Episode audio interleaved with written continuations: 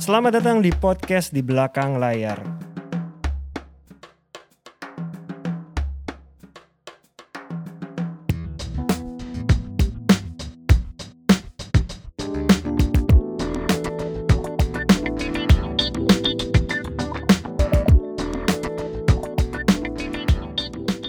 Halo teman-teman pendengar podcast di belakang layar, masih bersama saya Dipa Andika dari HHH Corp dan partner setia saya Sunu Landung dari Avatar 88. episode 22.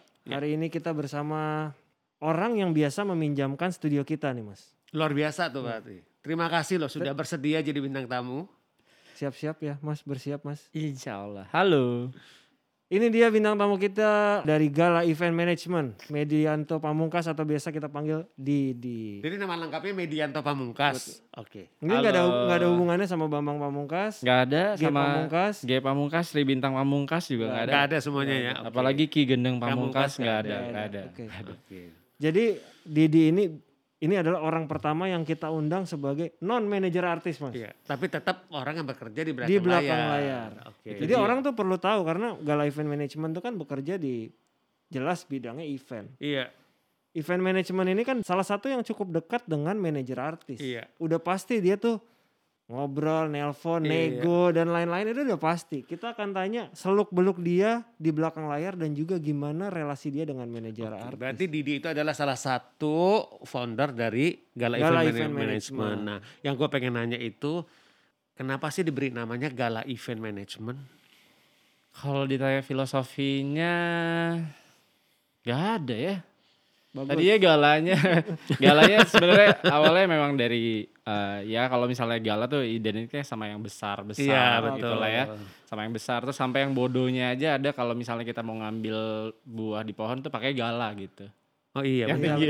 benar, benar. betul, betul. jadi loh. jadi gala ya udah kita bikin yang sebuah yang besar kalau bahasa jadi ada gala-galanya dinner terus ya ya segala-galanya yang besar lah gitu segalanya ada jadi ada gala-galanya gitu Salah satu yang terdampak dengan pandemi itu kan pekerjaan di bidang event. Betul. Jadi Event organizer. Iya, karena mulai 2020 mid mungkin IOIO baru mulai transformasi ke digital gitu ya. ya Event-event streaming, virtual, bikin di studio dan lain-lain. ya Menyambut 2021 ini gimana, Di? Dunia event udah mulai mungkin dibilang normal 100% belum lah ya. Karena eventnya sih. jadinya lebih ke virtual semua. ya Tapi udah mulai udah mulai perlahan job-job sudah mulai ada apa gimana, Di? kalau dari tahun 2020 sebenarnya kita yang offline dan online itu kita sebenarnya teman-teman event bilangnya hybrid ya Ya. Hmm. itu eh, alhamdulillahnya kita 2020 udah dapat 5 event yang hybrid gitu. Jadi Oke. tapi dengan segala macam protap yang kita ikutin kemauannya klien gitu kita sesuaikan juga. Nah, kalau 2021 ya dibilang kita biasanya setiap tahun ada target untuk mencapai sesuatu, tapi tahun ini kita kayaknya nggak masang target. Cuma kita yang penting semuanya target paling utama adalah ya sehat semuanya, berjalan sesuai sama rencana. Tapi kalau misalnya dari nominal dan lain-lain, kita tetap harapannya positif aja lah.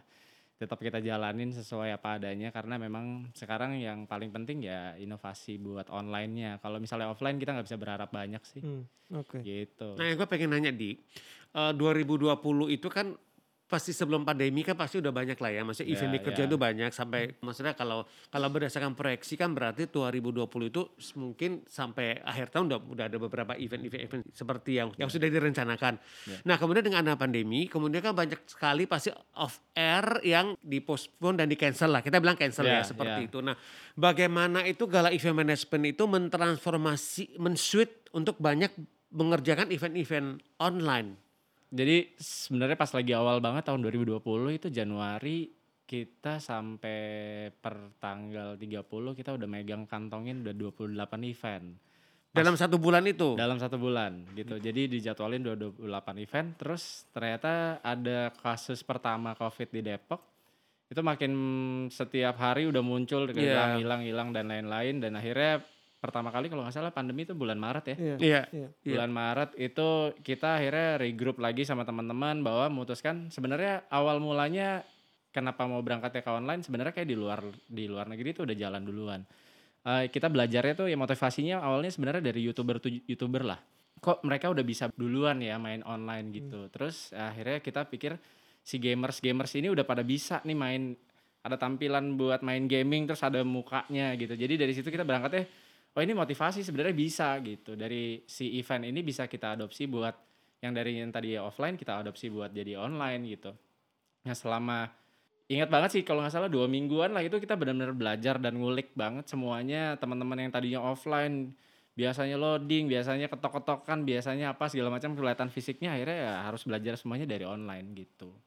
Ya dari situ baru kita mengadopsi tapi challenge-nya adalah mengedukasi lagi ke klien bahwa sebesar apa perannya si online ini Impact-nya. si impact-nya gitu. Karena memang challenge paling besar adalah experience yang didapat sama si customer kan Hmm. buat mengedukasi itu. Jadi memang ya sama-sama belajar lah semua itu pada saat karena kondisi pandemi kitanya belajar masuk online dan kliennya juga belajar bagaimana mengadopsi kondisi itu gitu. Jadi semuanya sama-sama belajar.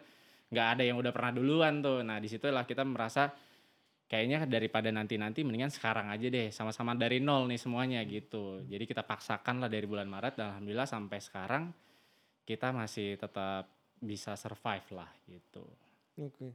Kuncinya sebenarnya dari yang diomongin Didi ya inovasi dan Iya. transformasi. Iya. Kita sebagai manajer artis pun harus segera transformasi untuk siap ke dunia digital. Apalagi IO kan yang ya yang basicnya basisnya bekerja secara offline. Iya. Ya mungkin buat IO lain bukan bermaksud membandingkan, tapi ketika kita tidak bisa berharap banyak daripada basic pekerjaan, memang lo harus siap bertransformasi kan. Apalagi waktu terus berjalan, lo berharap menunggu sesuatu yang nggak pasti kan. Ini Iya. ini nggak bisa ditunggu. Walaupun online ini plus minusnya ada lah pasti kan. Pasti, Plusnya pasti ada, pasti ada. minusnya ada. Tapi dari sisi klien, lo lihat lebih banyak mereka mau bertransformasi apa menunggu di? Kayaknya mereka lebih banyak mau bertransformasi lah ya, karena semua juga pengen hidupnya lanjut Iya. gitu Iya, ya. iya. Karena pilihannya kita mau ngelawan atau mau ikut arus atau mau diem aja gitu. Iya. Pasti semuanya ya akan ngelawan. Iya. gitu. Karena beberapa ada yang gue lihat kan Menunggu. ada yang gini bentuknya karena pengennya bikin event offline tapi akhirnya ujung-ujungnya online jadi kan setengah-setengah kadang kan Iya. dengan penonton terbatas tapi sisanya penonton di luar at least dia merasakan ambience offline-nya dulu deh walaupun Ya. penontonnya cuma sedikit jadi Iya. win-winnya beberapa melakukan Ya. hal itu Iya. Gitu. Jadi emang waktu awal mulanya malah ini lucu banget sih buat kita teman-teman Genggala. Justru klien pertama yang untuk online itu ya platform terbesar yang kita pakai setiap hari. Kita nyari apa pun dia kita pakai itulah gitu. oke Jadi si brand itu nelfon tahu-tahu minta Mas Didi bisa ngerjain online event nggak gitu. Terus akhirnya dengan keberanian aja ya itu kalau karena emang kita mikirnya segalanya ayolah udah Iya, jalanin iya. dulu deh kita cobain. Padahal kita belum pernah gitu. Tapi si platform terbesar ini ngajak kita ya ini menurut kita ini peluangnya gede banget nih buat buat portfolio kita. Ya akhirnya kita ambil gitu. Tapi memang disclaimer di awal saya udah disclaimer ke mereka. Ini kita sama-sama belajar ya kita pertama dan teman-teman platform ini teman-teman brand juga pertama. Jadi kalau misalnya ini ya eh, episode 1, episode 2 kita trial and error gitu. Dan dilalahnya mereka se- sepakat dengan hal itu gitu. Jadi kita sama-sama belajar. Episode 1 ya bisa dibilang luar biasa hancur sih gitu. luar biasa hancur tapi kita udah mulai tahu oh patternnya kayak gini nih harusnya dicari. Ya, Di episode kedua kita perbaikin. Ya alhamdulillah sih sampai sekarang yang menghidupi kita sampai tahun ini sih udah dapat kontrak dari si brand itu Oke. gitu.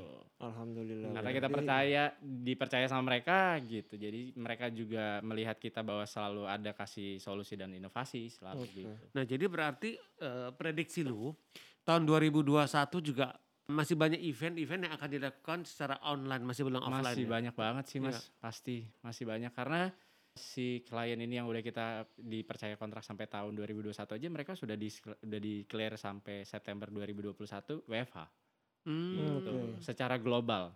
Itu udah Seluruh dunia. Seluruh dunia. Dia sudah bilang kalau klien kantor kita udah pasti WFH sampai 2021. Dan dari awal pandemi sampai sekarang gua nggak pernah ketemu sama kliennya.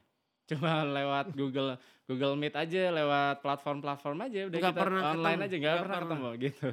Sampai sekarang sih. jadi ternyata bahkan dari mulai meeting sampai event itu terjadi bisa dilakukan secara, Secara online. dan Iya. jalan. dan jalan, jalan. jalan gitu. Jadi kalau misalnya lagi event ya ibaratnya kalau kita di offline, dia berdiri di FOH, ini FOH-nya udah jadi di conference. Jadi kita buka conference yang lain, kita jalanin off online-nya.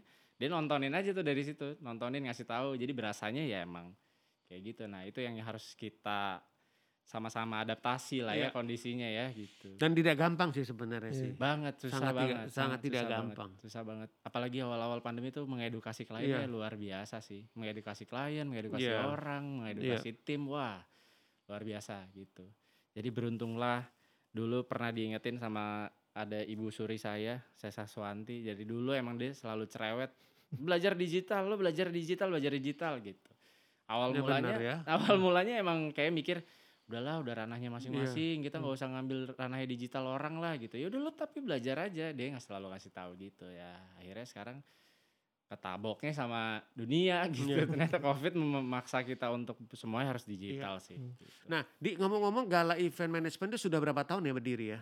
start kita awalnya dari coba-coba itu 2010 akhirnya Oke. kita memutuskan untuk ber-PT berbadan itu dari 2012 Jadi sudah 9 tahun ya. Tot- Tahun ini tahun Tahun ke-9. 9 ya. Iya. Ternyata bareng ya gua korp bareng sama Gala tuh 2012 kita ya barengan Lu ada background IO nggak? Maksud gue sebelum lu bergabung di Gala Event itu lu sempat kerja di tempat lain dulu di IO lain atau seperti sebelumnya apa? kita teman-teman yang ada di Gala ini belajarnya dari radio mas Hmm. Jadi teman-teman radio yang emang ngerjain event, emang ngerjain markomnya mereka, emang ngerjain promosinya mereka ya dari situ lah alumni kita radio berangkat semuanya ya, alumni ya. ya. teman-teman Gue dan dia sama-sama alumni di radio yang sama sebenarnya. Iya. Gitu. Oke, dia ketemunya di sana zaman Hmm. itu di. Iya, jadi Pak Dipa nih senior saya, Oke. senior saya di radio itu. Gue dan Didi sama-sama memiliki bos yang sama yaitu Sesa. Sesa jadi istri gue, dia Sekarang jadi partner. Nah, jadi Iya. partner gitu. Menarik ya. Iya, iya, itu dia Ibu Suri, Ibu Suri saya. tuh. Ah, menarik, menarik, menarik. Jadi by the way, Di, lu kan tiba-tiba sekarang punya Gala Event Management, bekerja di dunia IO yang udah lu nggak mungkin pindah haluan lah, lu akan di IO lah. Ya. Kita kembali ke belakang, Di. Orang tua lu pernah berpikir lu kerja di IO nggak, Di? Nggak pernah. Gue diproyeksikan jadi PNS.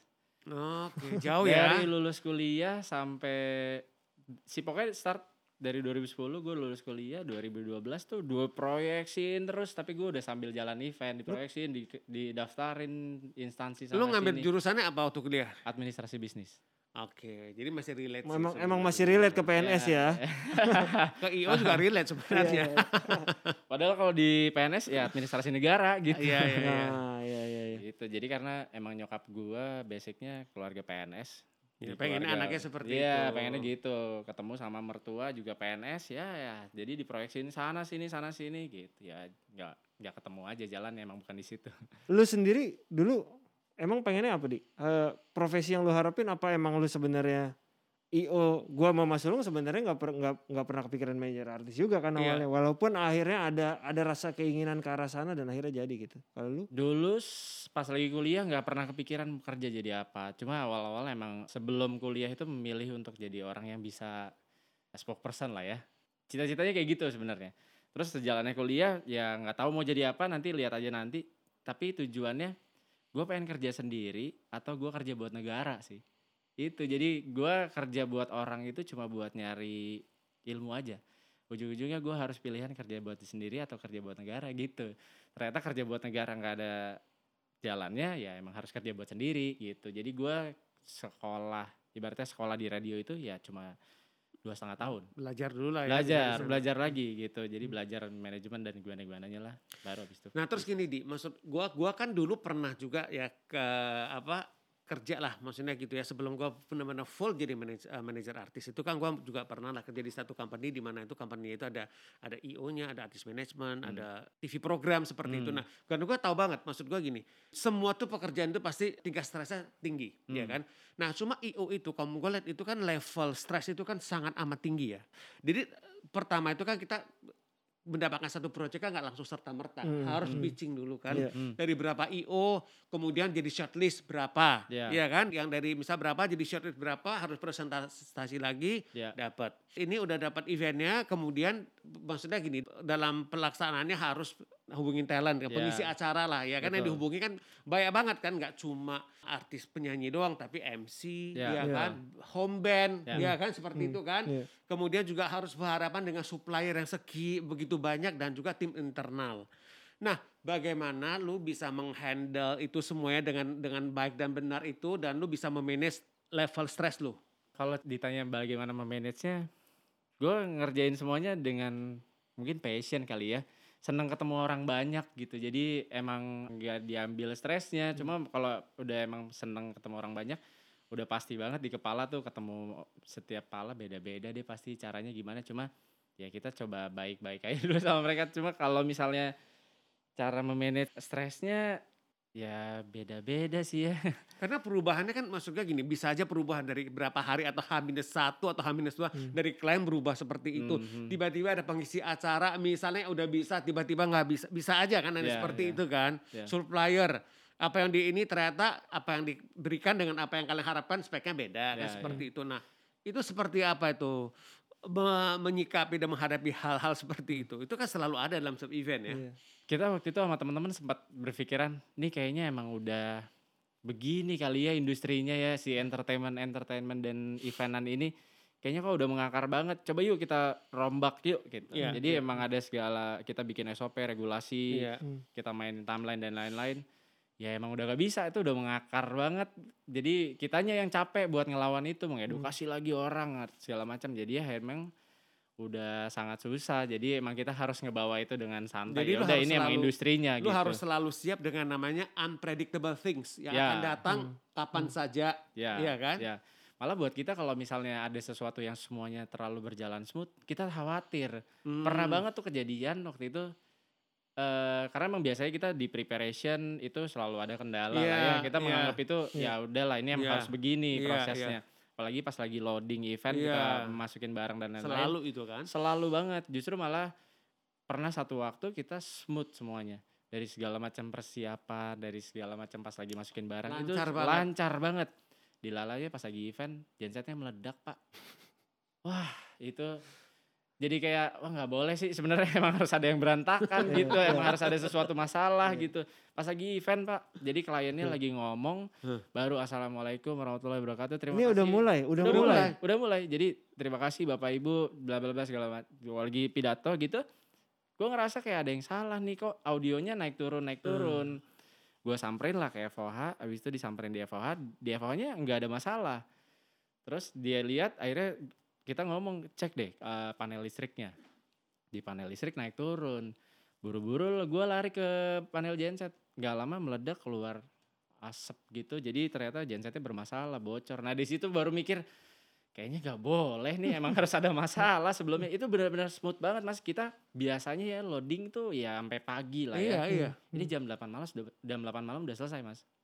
Dan skala ya produksinya lumayan banyak lah gitu. Tapi wah ini jam 8 malam kok gue udah bisa santai-santai ya gitu jadi jadi ada worry ke mana-mana gitu Hmm. ini ada yang salah nih ini ada yang salah nih apa ya apa ya ternyata besok dia kejadian waduh itu kejadian di Makassar sih waktu itu Di luar kota pula lagi. di luar luar kota Jakarta. pula. di Nah, luar itu kota kan yang agak- bukan kandang kita Nah, bukan kadang sendiri itu itu kan Iya. agak Iya. source-nya itu kan agak beda ya Iya, gitu kan. jadi kita ngerasanya ya emang udah begini kali ya mau diapain jadi kerjaan udah stres kalau kita bawa stres kayaknya nggak Iya. enak deh Iya. buat badan juga jadi nggak sehat dia udah bawa Iya, iya. santai aja gitu Apalagi IO itu kan sama kita sama-sama pekerjaan yang tidak mengenal jam kerja ya. Nah itu, benar benar apalagi mau event itu klien jam berapa dia bisa telepon, subuh Iya. juga bisa telepon. iya Orang weekend libur kan dia weekend kerja justru Iya. biasanya.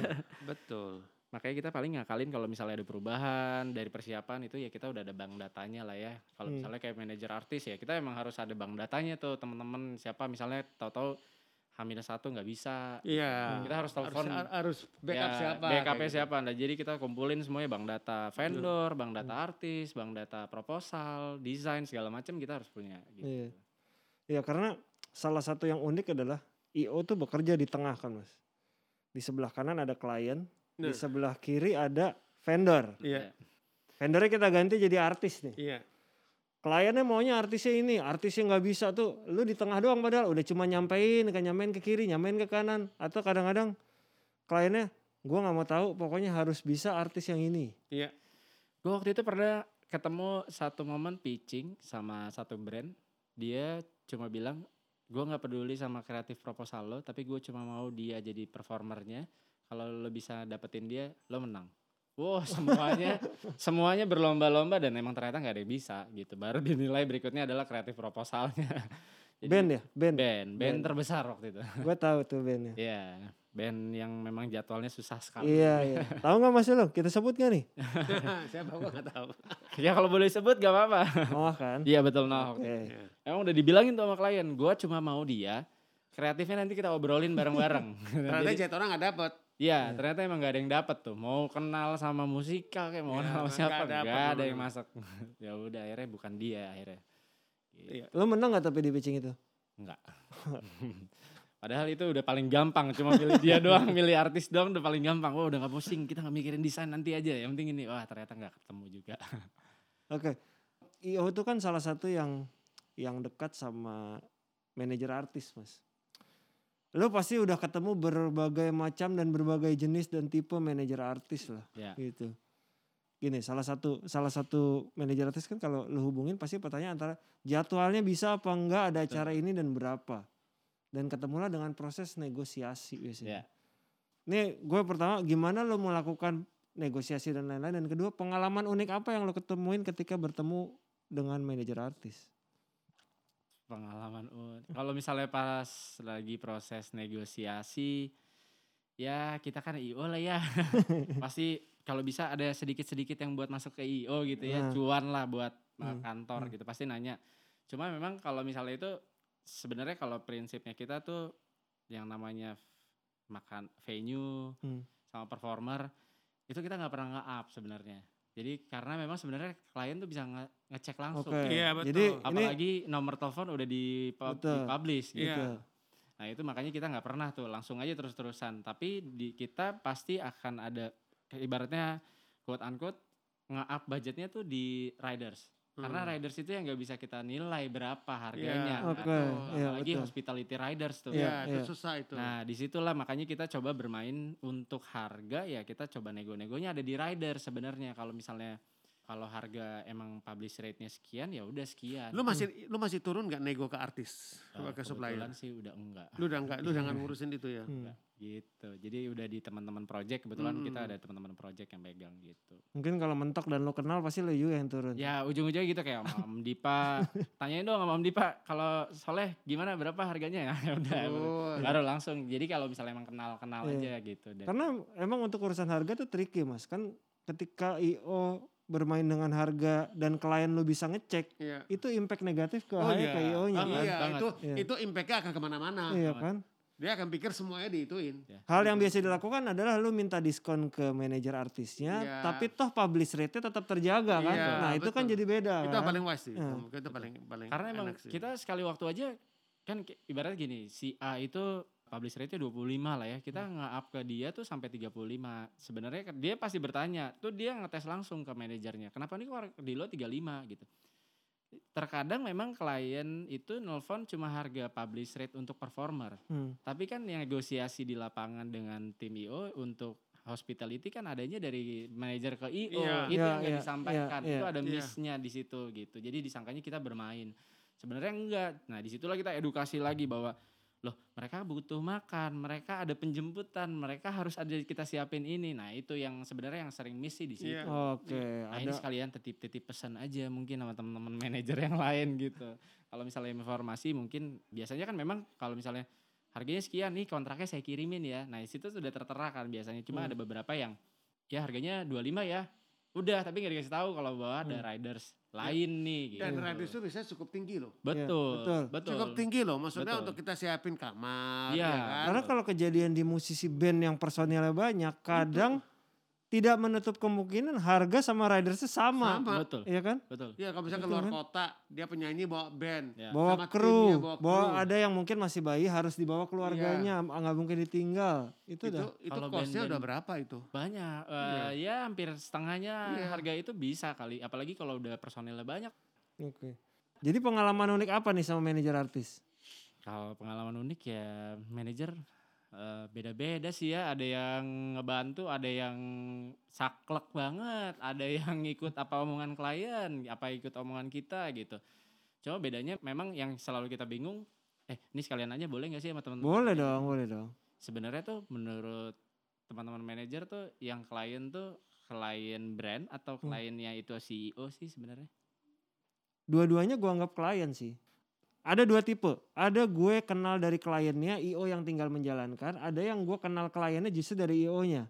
Kan ada yang model gitu kan. Buat gue dua-duanya adalah klien gue.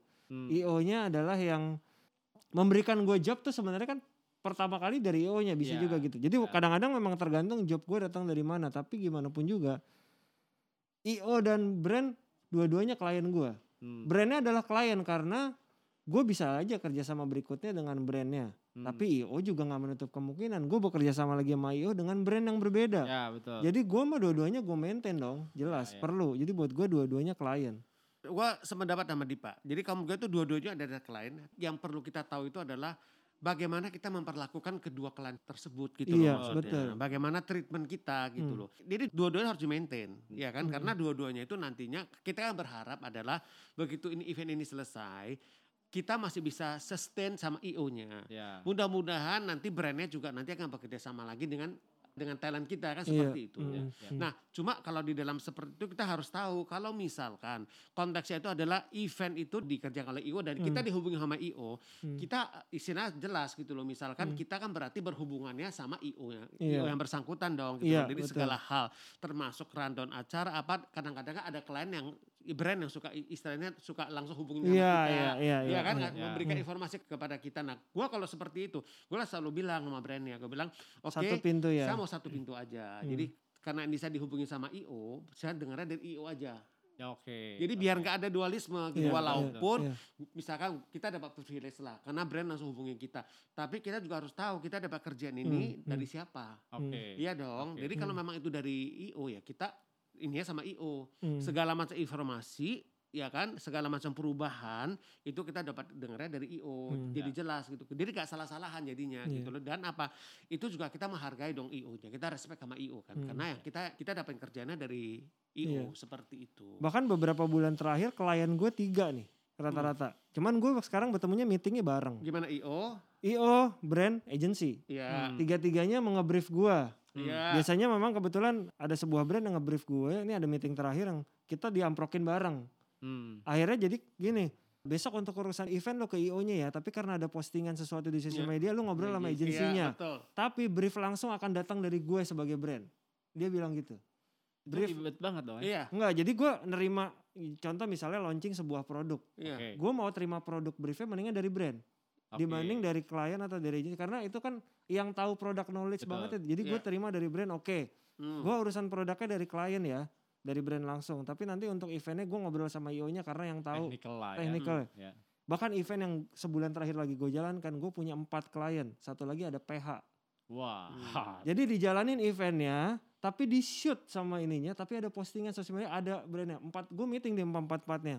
Jadi gue akhirnya bilang, oke, untuk urusan eventnya running, tim gue akan ngobrol sama IO. Tapi karena ini tayang di video Iya. eh, di YouTube, gue akan ngobrol sama PH-nya mengenai briefnya, videonya akan jadi seperti apa. Hmm. Nanti di postingnya seperti apa, tim gue yang lain akan ngobrol sama agensinya. Iya. Tapi again, produk yang dipromosikan gue ngobrol sama orang brandnya ya, karena supaya nggak salah, karena talent gue yang akan ngomong detail mengenai produknya kan daripada salah. Jadi untungnya gue selalu diamprokin bareng. Jadi nggak satu-satu tuh mas, Iya. enaknya. Oh ya udah, jadi kita semua satu suara, satu pintu, udah briefnya jelas. Emang kadang-kadang kalau suka salip-salipan nggak satu pintu itu Iya. yang yang Dan suka. ini biasanya kalau kayak gitu suka eh, kasuistis. Jadi kan nggak nggak nggak nggak ini nggak apa tergantung itu itu itu lebih ini sih lebih ke satu persatu sih. Jadi nggak nggak nggak bisa buku- eh, Iya. bisa disamaratakan betul, juga iya, karena betul. ada brand yang dia sudah gua serahkan semuanya bisa ke IO gua nggak mau ikut campur. Hmm, Hmm. Ya kan yang penting yang penting gua gua mau tahu beres semuanya apa yang gua pengen di di fulfill ya Ya, kan sama ya. pengisi acara kan Iya, seperti itu. iya. Nah, itu ada seperti itu. Ada juga memang brand yang pengen langsung ya kan pengen Iya, tahu, pengen hmm. itu ke ke ke kita seperti itu. Jadi memang itu case by case sih kalau Iya. gue sih. Ya, ya emang. Emang beda-beda bahkan tuh. ini jadinya kita di kita di posisi manajer artis harus siap-siap untuk berkoordinasi dengan semua pihak Iya, kan. dan kita yang harus bisa apa ya? Kita harus bisa menjadi jembatan, Jembatan yang, iya, buat mereka kita semua. menjadi jembatan yang smooth. Jadi biar semua lancar. Jadi kita ke IO-nya juga oke enak, kita ke brandnya Iya. juga ya kan juga smooth. Pengisi acara ke talent kita juga enak ya Iya. gitu loh. Karena kadang-kadang kalau kitanya nggak smooth nih gue di jembatannya. Iya, Gue jujur aja suka sesekali dua kali. Kadang kalau kita berat sebelah ke salah satu pihak. iya, Salah satu suka disemprot sama klien. Kok lu gak manage yang ini? iya. Kenapa dia langsung ke gue? Ya. Padahal emang gue ya kadang kadang emang suka miskom kan. Emang itu kadang Iya. kita sebagai jembatan tuh harus jagain banget gitu. Iya, betul. Dan jangan berusaha me- mengadu satu lain pihak sih. Emang itu Oh, itu nggak Iya. boleh. Kamu gue itu kode itu kode etik itu nggak etis. Kamu gue itu nggak boleh seperti Iya. itu. Iya iya iya. Tapi beberapa kali emang sering ketemu yang kayak gitu sih. Apalagi kalau misalnya udah urusan deliver konten tuh udah Iya. udah paling sering kita mm, paling seringnya emang selalu kan tektokannya sama teman-teman manajer ya. Hmm. Apalagi kalau misalnya terutama dia udah MC lah ya. Hmm.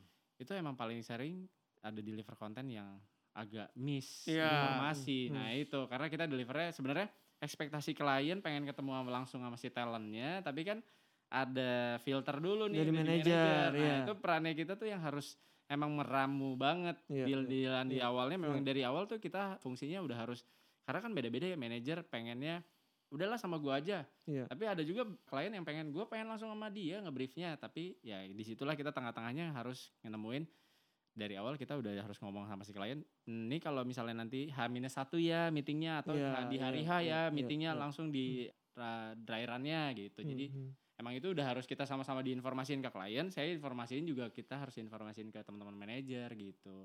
Karena emang ya beda-beda lagi. Iya, lah. benar. Orangnya banyak banget sih beda-beda. Maunya klien ya udah tahu urusan beres sama klien juga gitu. Sebaliknya juga manajer Hmm. pengen tahu.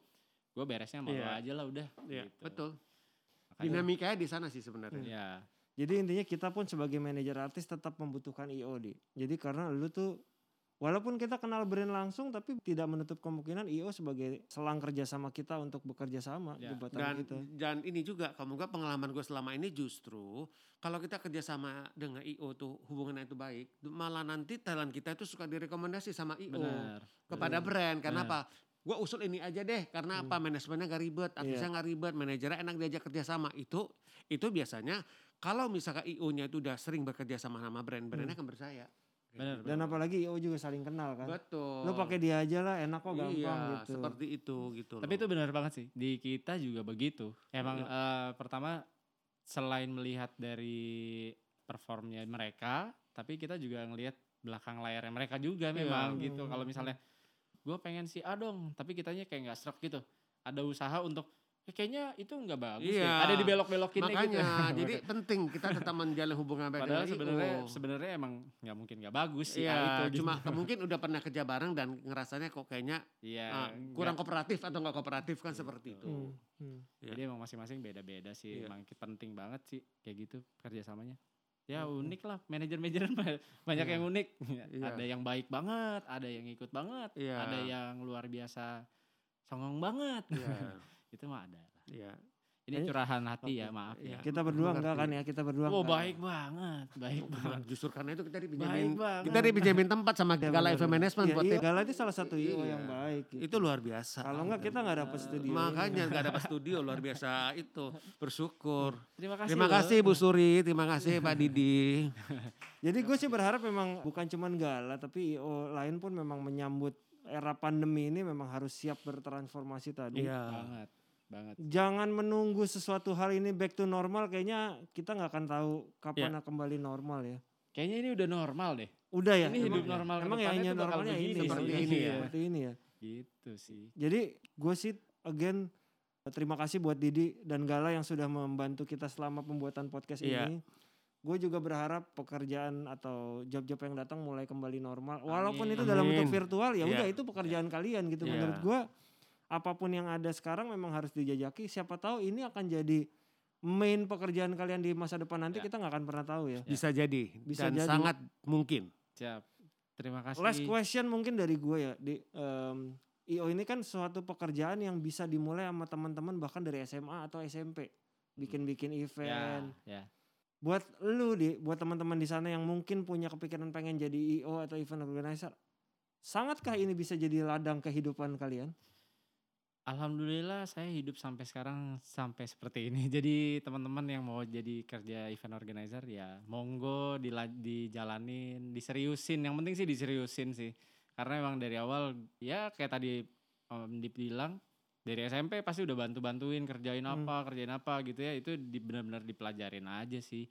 Karena emang gue berangkat juga dari teman-teman organisasi di sekolah di kampus gue organisasi di akhirnya jadi freelance sekarang alhamdulillah bisa jadi seka- sampai sekarang gitu jadi tapi pekerjaan gue ya udah itu aja gitu jadi emang balik lagi fokus sih sebenarnya ya menurut gu- gue menganut prinsip yang namanya bisnis atau if- sesuatu pekerjaan bisnis itu nggak bukan sampingan karena itu udah jadi pekerjaan utama Udah gitu. menjadi bagian dari hidup lo. Hmm. Iya, jadi bagian hidup gue. Jadi emang dari awal gue membangun untuk di sini nantinya mau melebarkan sayap ke mana, asal si yang pertama udah bisa ditinggal gitu. Jadi jalanin terus semangat aja sih teman-teman yang lain. Amin. Jadi teman-teman kalau ada yang mau menggeluti pekerjaan event organizer ini sangat mungkin karena event organizer dan manajer artis adalah dua pekerjaan yang tidak ada sekolahnya, Mas. Iya. Betul, Ya. tidak ada sekolahnya. Dan harus terus belajar setiap hari. Dan bekerja Iya. keras. Thank you Didi. Terima Terima kasih. Didi. Terima kasih. Terima kasih untuk tempatnya ini. Kita Terima akan lanjut terus sampai episode kita belum pernah ngitung mau habis di mana soalnya. Kayaknya Ya. lebih dari seribu lah. Mudah-mudahan ya. Mudah-mudahan Amin. ya. kita akan mengalahkan ikatan cinta di RCTI. Nah, iya. Amin. Mudah-mudahan. Kalahkan ikatan cinta seribu. terima kasih Mas Ulung, terima kasih. Terima kasih. Kita ketemu lagi di episode berikutnya. Terima kasih teman-teman. Terima kasih. Terima kasih, sehat selalu.